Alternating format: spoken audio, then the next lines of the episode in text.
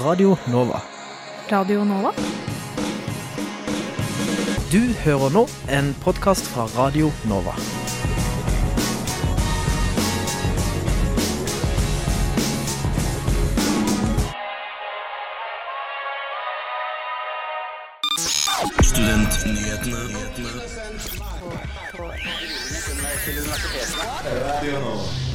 Hei og hjertelig velkommen til denne ukas Studentnyhetene her på Radio Nova. I studio er det meg, Selma Hellstrand. Og meg, Marius Stenberg. Vi skal høre fra eh, reportasjetur eh, eh, i Barcelona og høre litt om den katalanske frigjøringen. Venstrealliansen knuste studentvalget 2018, men valgdeltagelsen stupte. På tirsdag fikk eh, 230 studenter avlyst eksamen sin rett etter at den hadde starta. Hvordan kan noe sånt skje? Vår reporter Nora Nygaard har laget en reportasje fra Bhutan. Og er du litt eh, stressa før eksamen? Vi gir deg råd for hvordan stille sterkt når det gjelder mest. Men først er det på tide med ukas nyhetsoppdatering.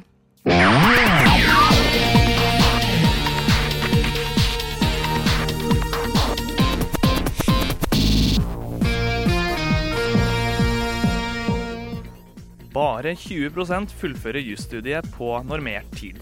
Derfor har Universiteta Oslo, Bergen og Tromsø foreslått å begrense muligheten for å ta opp eksamen for å forbe forberede, for, forbedre karakterene.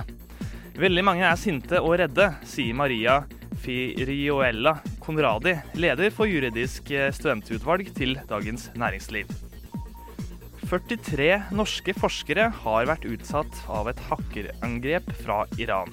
Dette melder NRK. Forskerne jobber ved universitetene i Oslo og Bergen, og det var PST som varsla de om saka. Til sammen har hackerangrepene ramma universiteter i 21 land. Amerikanske FBI har etterlyst ni menn som de mener har stått bak angrepet.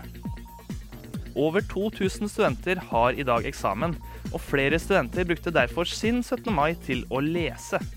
Universitetet i Oslo vil ikke gjøre 18. mai til en eksamensfri dag, mens NSO mener det er en mulighet for at dette kan gjennomføres, ifølge Krono. Universitetet i Bergen har i dag sine siste eksamener 18. mai. Fra og med neste år så blir det en eksamensfri dag. Tidligere denne uka ble det reviderte statsbudsjettet lagt fram, og studenta var blant vinnerne.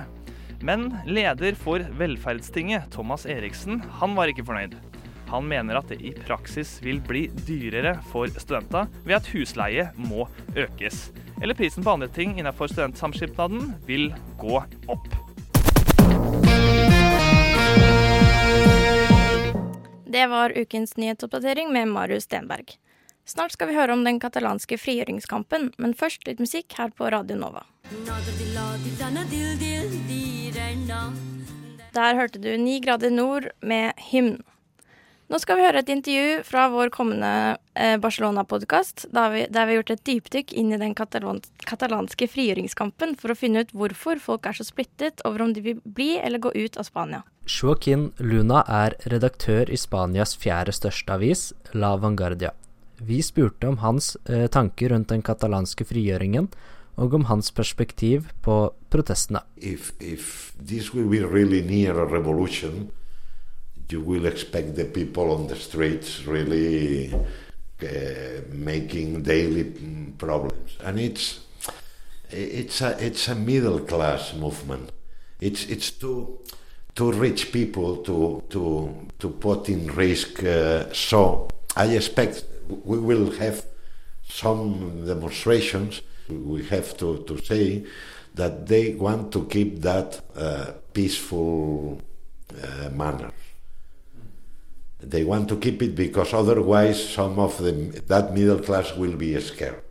If they see, so you cannot go very far with your protest, and I don't see I don't see people going very far, considering the situation. So what do you predict will happen? I believe they will, at the end, they will form a government.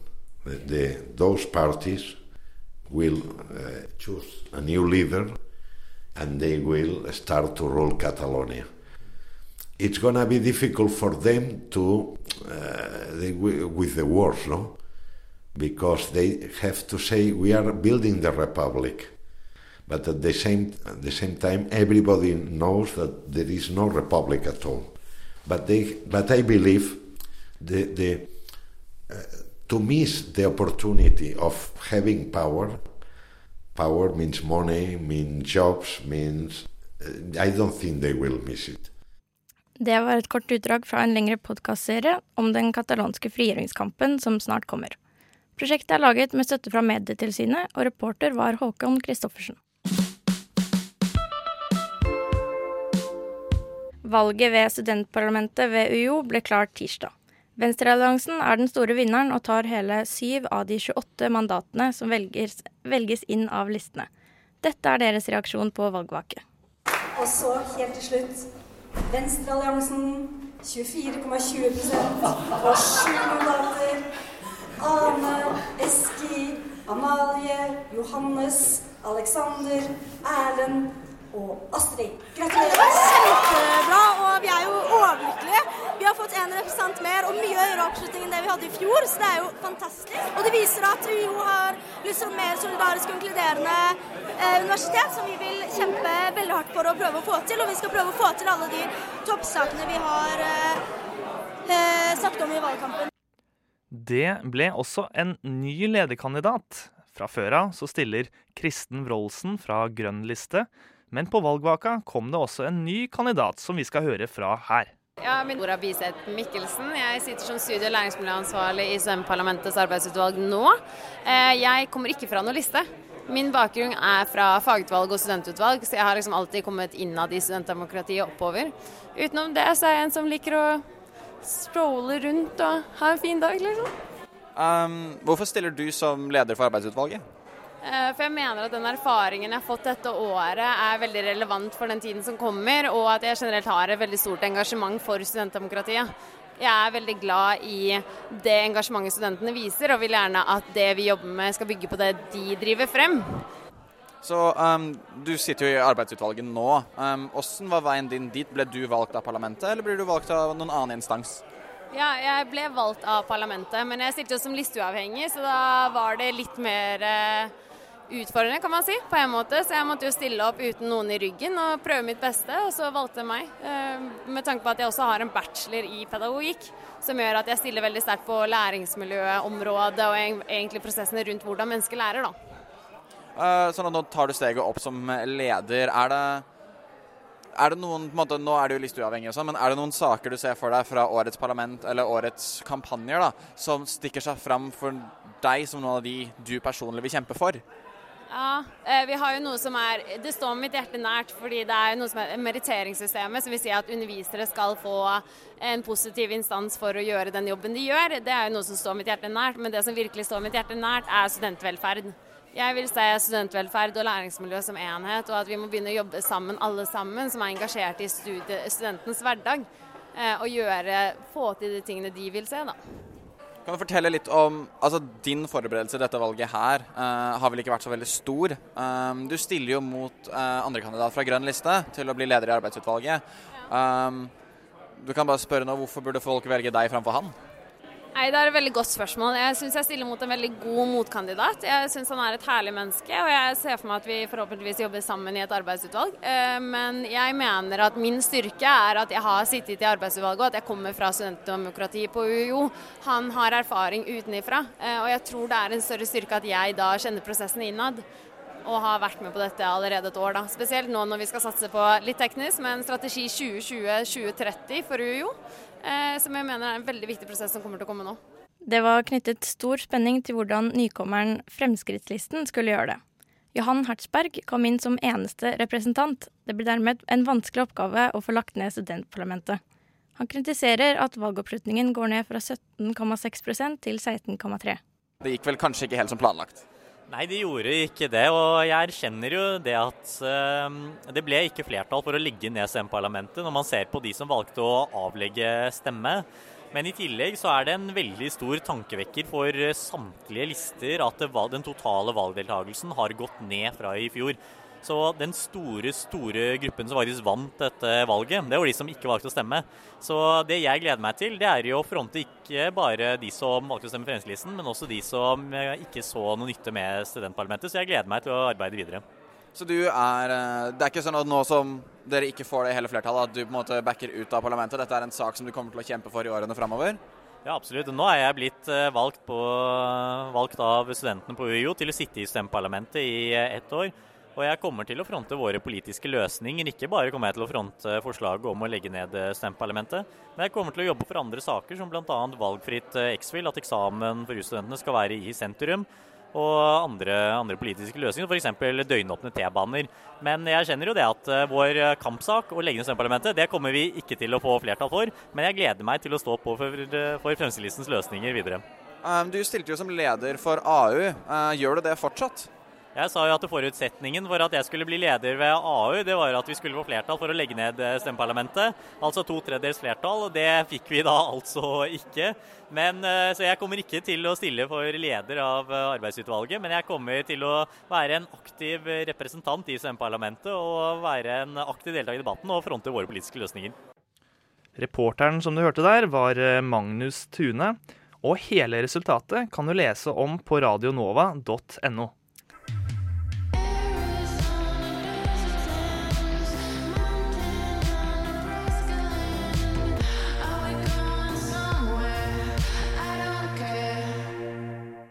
Der hørte du Computer Magic med Nebraska-land. Vår reporter Nora Nygaard har vært i Bhutan, som er et lite kongerike i Himalaya-fjellene. Dette landet har vært streng, nei, stengt for turister frem til 70-tallet, og man kan ikke bevege seg fritt der som turist uten en guide. Denne regelen har de satt til verks for å beskytte landet sitt for turisme og vestlig innflytelse. Nå skal vi høre en liten smakebit fra reportasjen 'Visdom fra Bhutan'. Buddha, Buddha, Buddha means Buddha nature. It's being awake, awakened from all the temporary things that we live around, we live in. Nå er jeg i Bhutan på ferie med min familie, og dette landet er også kjent som The Land of the Thunder Dragon. Dette lille skjerma buddhistiske kongeriket i Himalaya-fjellene mellom India og Kina har som bruttonasjonalprodukt lykke. Og sammen med min guide How Long er jeg nå på deres årlige buddhistiske festival. Og How Long forklarer for meg hva skuespillet handler om. So that one is converting the hunter into a Buddhist follower. And the beauty of the uh, beauty presence of the melody touches the heart of the hunter, and he give up being hunting, hunter, and rather he is being a follower, Buddhist follower of that master. Yeah.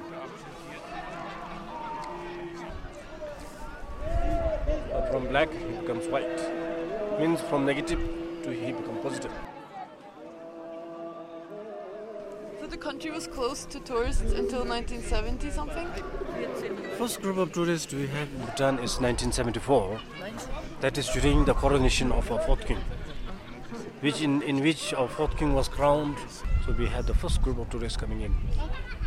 And since then, not really, not much. Every year, it's just few hundred, maybe like. So even like when I started guiding, also like towards 2005, not much, like about 6,000, 7,000 tourists a year. But now it's almost going over 50,000 tourists tourists a year. But as mentioned earlier, we have the limit. It cannot go beyond 100,000.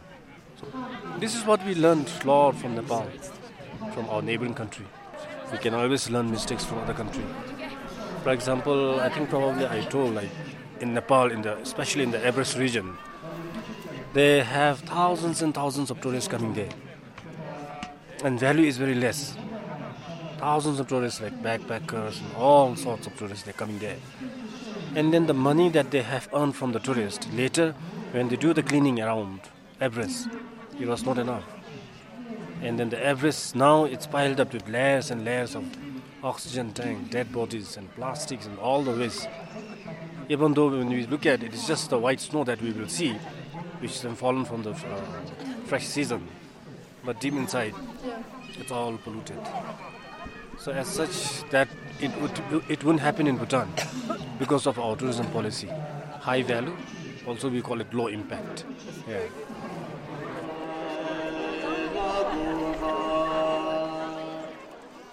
Jeg støter tilfeldigvis på den eneste hvite munken i hele Bhutan. Det er en mann som heter Mark fra Swansea i Storbritannia, og han lar seg intervjue.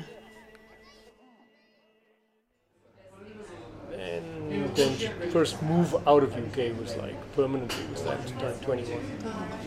So going to Japan, I just wanted to learn about Zen. I kind of like the aesthetics of Zen and the simplicity and, and I like martial arts, so I also wanted to learn a little bit like some kung fu or aikido or something. So it was a nice experience. The first few months in Japan, I didn't have much money, so I just walked around. I had one meal a day, and just walking. I think when you're a little bit poor and you're a little bit vulnerable, and you're in a big city like Tokyo, it's quite nice. You sit in parks. I used to feel kind of weak because it was winter. I didn't have. I was only eating one meal a day. but People would bring me coffee. The local people would see I was just sitting there, and they'd put a coffee. They didn't speak English. They would just put it and run away. And then when I moved to Taiwan later, same very kind experiences. I didn't have much money. I, I didn't develop any money in Japan. So when I got to Taiwan, I would just ask people where's the bus or the metro and things, and people would always buy the ticket. They would never tell me; they would just buy it. So it made a lot of nice experiences, and, and I like big Asian cities. China, Taiwan, Japan. There's kind of a vibrance in a life, all different kinds of people. And I came to Bhutan about 10 years ago. So how do you find the Bhutanese people compared to like English or Western people? I guess they're more um, easy to talk to on the street level. In the West, it's unpredictable, depending on the country. Some people you can say, Hi, how are you? And they'll be, Oh, yeah, fine, how are you? And other people will stare you down, in the, U- especially in UK or London or somewhere. Whereas here, they'll kind of they'll respond nice. But I think that's Asia in general. Even in Japan, Tokyo or Taipei, they're huge cities, but if you speak to the people, they're always, they're consistently pleasant. So I think Asians generally are more maybe family orientated, more warm in that respect. Der hørte dere litt av lyden fra Bhutan, landet der bruttonasjonalproduktet er lykke. Resten av reportasjen Visdom fra Bhutan vil bli lagt ut som podkast snart. And just when we discover that we need each other, here our lives keep Der hørte du Let's Eat Grandma med It's Not Just Me. På tirsdag ble eksamen avbrutt for 230 byggingeniørstudenter på Oslo OsloMet. Dette var fordi oppgaven allerede hadde blitt gitt i Bergen samme morgen. De hadde eksamen klokken ni, mens i Oslo skulle de ha eksamen klokken tre. Dette gjorde at Oslo OsloMet-studentene kunne vite hva oppgaven var før eksamen begynte. Og vi har fått med oss eh, leder for eh, TKD-fakultetet, Joel eh, Gianni. Eh, Velkommen til oss. Takk. Du er ikke blant disse studentene, men du representerer dem. Og du, du var også på det møtet hvor, hvor de snakket om hva som hadde skjedd. Mm. Og fikk høre på en måte Du også kjenner mange av de berørte, da. Stemmer. Eh, så, så hvordan er det folk, eh, disse studentene reagerer på, på det som skjedde da, på tirsdag? Ja, altså, eh, for det første så er det sånn at hvis man skal, ha, eh, hvis man skal holde en eh, eksamen som skal være lik for to eh, høyskoler eller universiteter, så er det én ting som kan gå galt, og som man skal prøve å unngå for alt det er verdt, og det er jo at, at den blir gitt på to forskjellige tidspunkter. Eh, og det skjedde på tirsdag, og det var grunnen til at den ble avlyst. Og det er det som gjør at folk eh, er veldig oppgitt og egentlig frustrert, da, for det, så det kunne jo fått store konsekvenser for i hvert fall eh, de som er sisteårsstudenter nå. Mm. Hva mener du at skolen bør gjøre nå for at studentene skal ta eksamen før sommerferien? Altså, nå har jo fakultetet og dekanen tatt tak i dette her med en gang. og lagt seg flat og beklaget og kommet med forslag til eh, løsninger. Uh, hittil er det tre. Eh, men nå er det slik at det, det er jo ikke noen av de som kommer til å passe alle. Eh, noen vil jo eh, eh, velge f.eks. Løsning én, som går på at eh, semesteroppgaven vil telle 100 uh, istedenfor uh, 40 og, mens eh, andre vil ikke velge det fordi de kanskje ikke fikk den eh, karakteren de hadde sett for seg eller eh, vil ha på vitnemål. Altså de ville ha mulighet for å ta en eh, ny eh, eh, eksamen, og det har de også fått tilbud om i juni. Men det spørs om den datoen som eksamen blir satt man kommer til å passe alle. For det er jo veldig mange av våre studenter som går ut i sommerjobb nå. Noen har til og med planlagt å ta ferie rett etter denne konkrete Altså denne eksamen. Eh, og da må man vente til eh, august. Og det, da blir det vanskelig hvis man f.eks. skal ta en eh, ja, videreutdanning på master eller gå ut i jobb, for da vil ikke man få den eh, bachelorgraden. da. Så jeg håper eh, ja, eh, fakultetet er åpne for andre løsninger, og det har de sagt at de er. Så får vi vente og se. Mm. Men hva, hva altså De har jo forberedt seg i, i lang, lang tid fram til denne eksamenen. Eh, hvordan, eh, hvordan reagerer man? Altså, hva, hva, gjør man da når man eh, er, er det, Hvordan er den følelsen av det du har inntrykk av da, fra dem, eh, når du da ikke Når du står der klar på eksamensdagen, og så blir det ikke noe av? Du har jo brukt masse tid. Ja, altså, jeg, jeg snakket jo med veldig mange av de uh, i uh, Det var vel rett etter uh, tirsdag, rett, rett etter den ble avlyst. Og det, det de sa, var liksom at alle sto der og tenkte bare Er det her mulig? Hvordan kan det skje? Hvordan kan det skje at man altså ikke tar høyde for at eh, Ja, det kan hende at det er forskjellig tidspunkt for eh, denne eh, eh, eksamensavviklingen. Og det, og det er det som er ganske jeg å si, eh, uforståelig, da. Så det er jo, det er jo noe svikt i systemet her. Det er noe som ikke har eh, fungert, eller noe som ikke har gjort jobben sin. Eh, og vi håper vi finner ut eh, hva som egentlig har skjedd, og ja, eh, at man egentlig retter opp i det. For det er jo det som er viktig nå. At man får gode løsninger som passer den enkelte studenten. Og så sørge for at det ikke kan skje igjen. Fordi denne, altså, dette emnet kommer jo til å samkjøres med Bergen også neste år, så vidt jeg, så vidt jeg har hørt og forstått. Og da må man bare sørge for at det ikke skjer igjen. Mm. Vet du om det har skjedd uh, før? Jeg tror ikke det. Ikke så lenge jeg har studert på Oslo OsloMet. Mm, som er- Som er tre år nå. Mm. Så ja. Men uh, også fikk jeg høre at uh, eh, grunnen til at det skjedde, var at eh, det var et nytt, eh, et nytt system da, hvor man har eh, eh, eksamen klokka 9, 12 og 3. Eh, men det er ikke helt riktig, fordi jeg hadde jo det samme faget i fjor. Og da hadde vi det også klokka 15.00. Så man burde vært eh, eh, litt eh, ja, obs på det, da. Mm. Nå kommer dekanen straks inn. Har du noen spørsmål til han? Uh, altså, jeg vil bare vite hva fakultetet og, og dekanen kommer til å gjøre for å sørge for at det der ikke skjer igjen. Uh, for det er jo det, det som er viktig nå, hvis man ser det uh, fremover. For gjort er gjort, og sånn er det. Man gjør feil, og det skal ikke skje. Men nå, nå har det skjedd, og vi vil ha en uh, garanti om at uh, det aldri vil skje igjen. Mm. Er du fornøyd med hvordan uh, universitetet har reagert? I- Ja, altså når den situasjonen har oppstått, så tenker jeg at uh, dekanen og fakultetet har håndtert det veldig bra. De har tatt, de har, de har tatt tak i det med en gang, og de har kommet med løsninger. Eh, og, det, og ja, det er bra. Mm. Takk for at du kom til oss, Joel Geani. Vi skal snakke mer om dette etter en låt.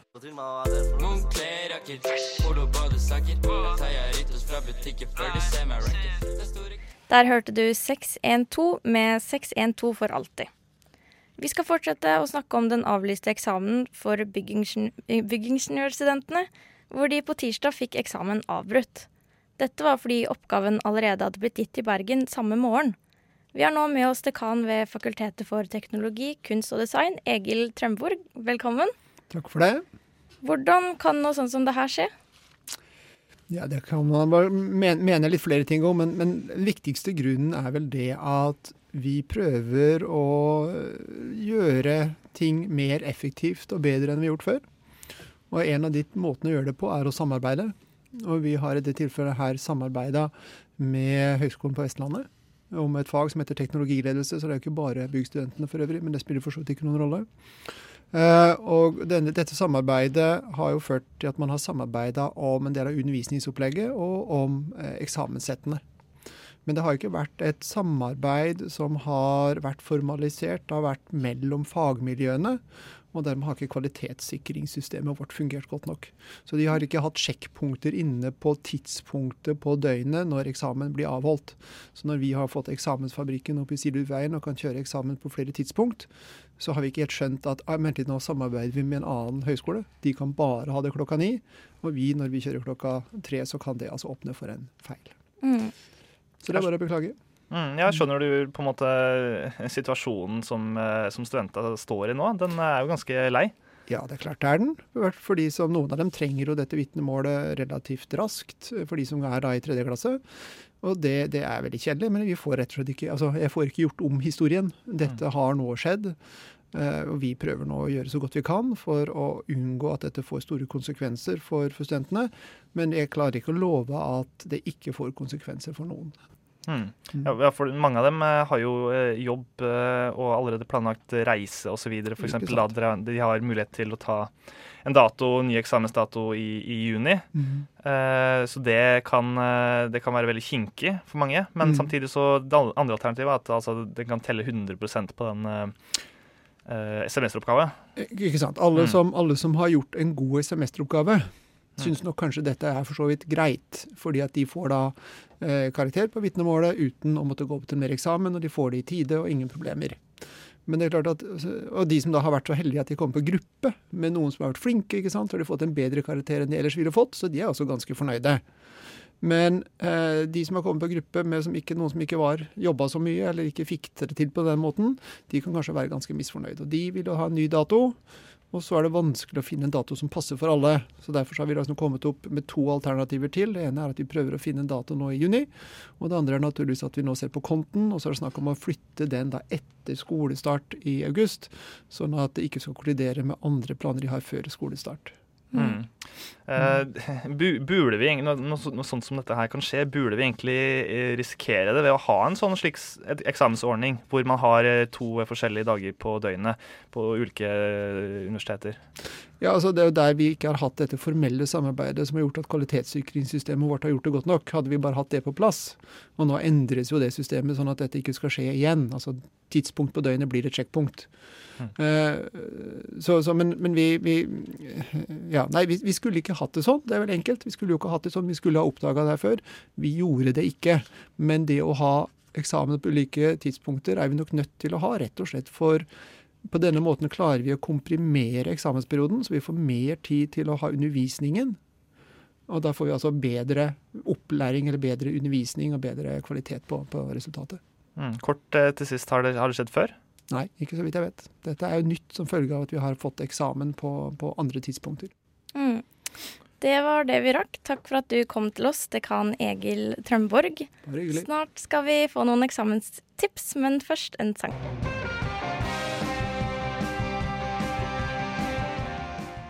Der hørte du De underjordiske med Saskorus. Vi er midt i den tyngste eksamenstiden, og du kjenner deg sikkert igjen. Det er vanskelig å porsjonere lesingen, holde nervene i sjakk og gjøre sitt beste når det virkelig teller.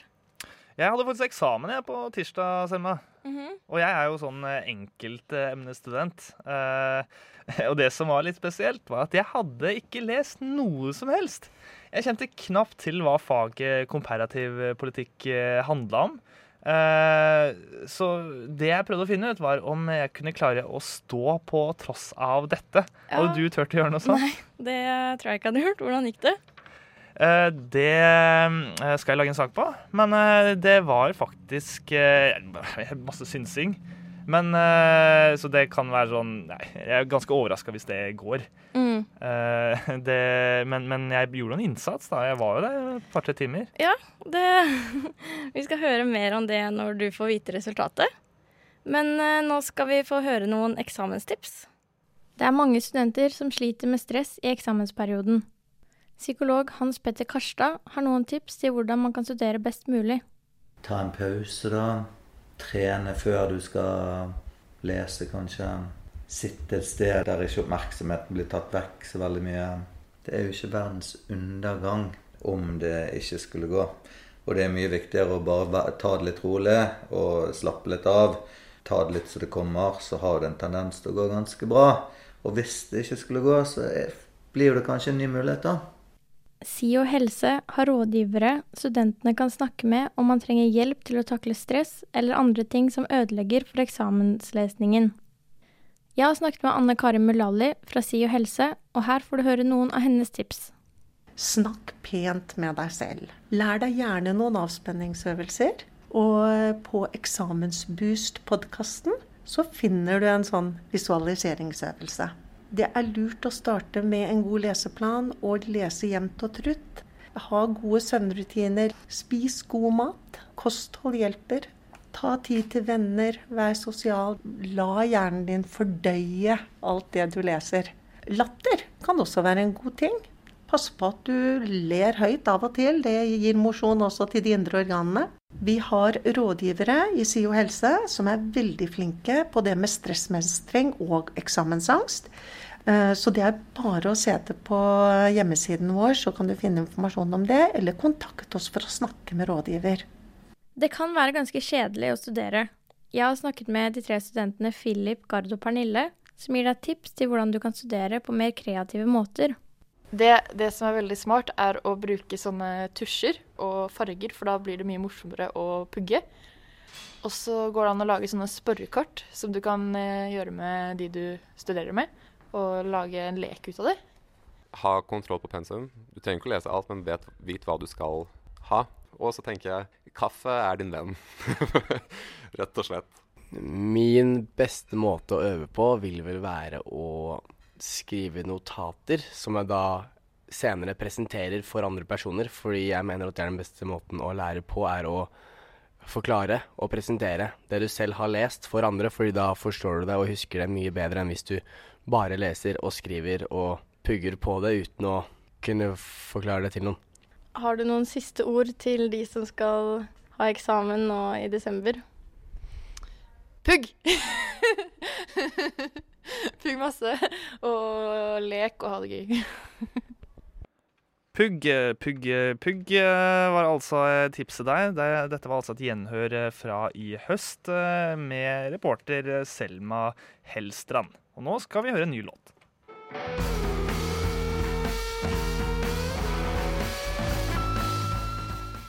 Der hørte du Drango med Boots and Beasts. Det var det vi hadde å by på i Studentnyhetene for denne gangen. Følg oss gjerne på Facebook, Instagram, hør på podkastene våre i din podkastapp, på Soundcloud eller på radionova.no. Mitt navn er Selma Helstrand, og med meg var Marius Stenberg, Tekniker var Celine Stensrud. og vi ønsker deg en riktig god helg. Radio Nova.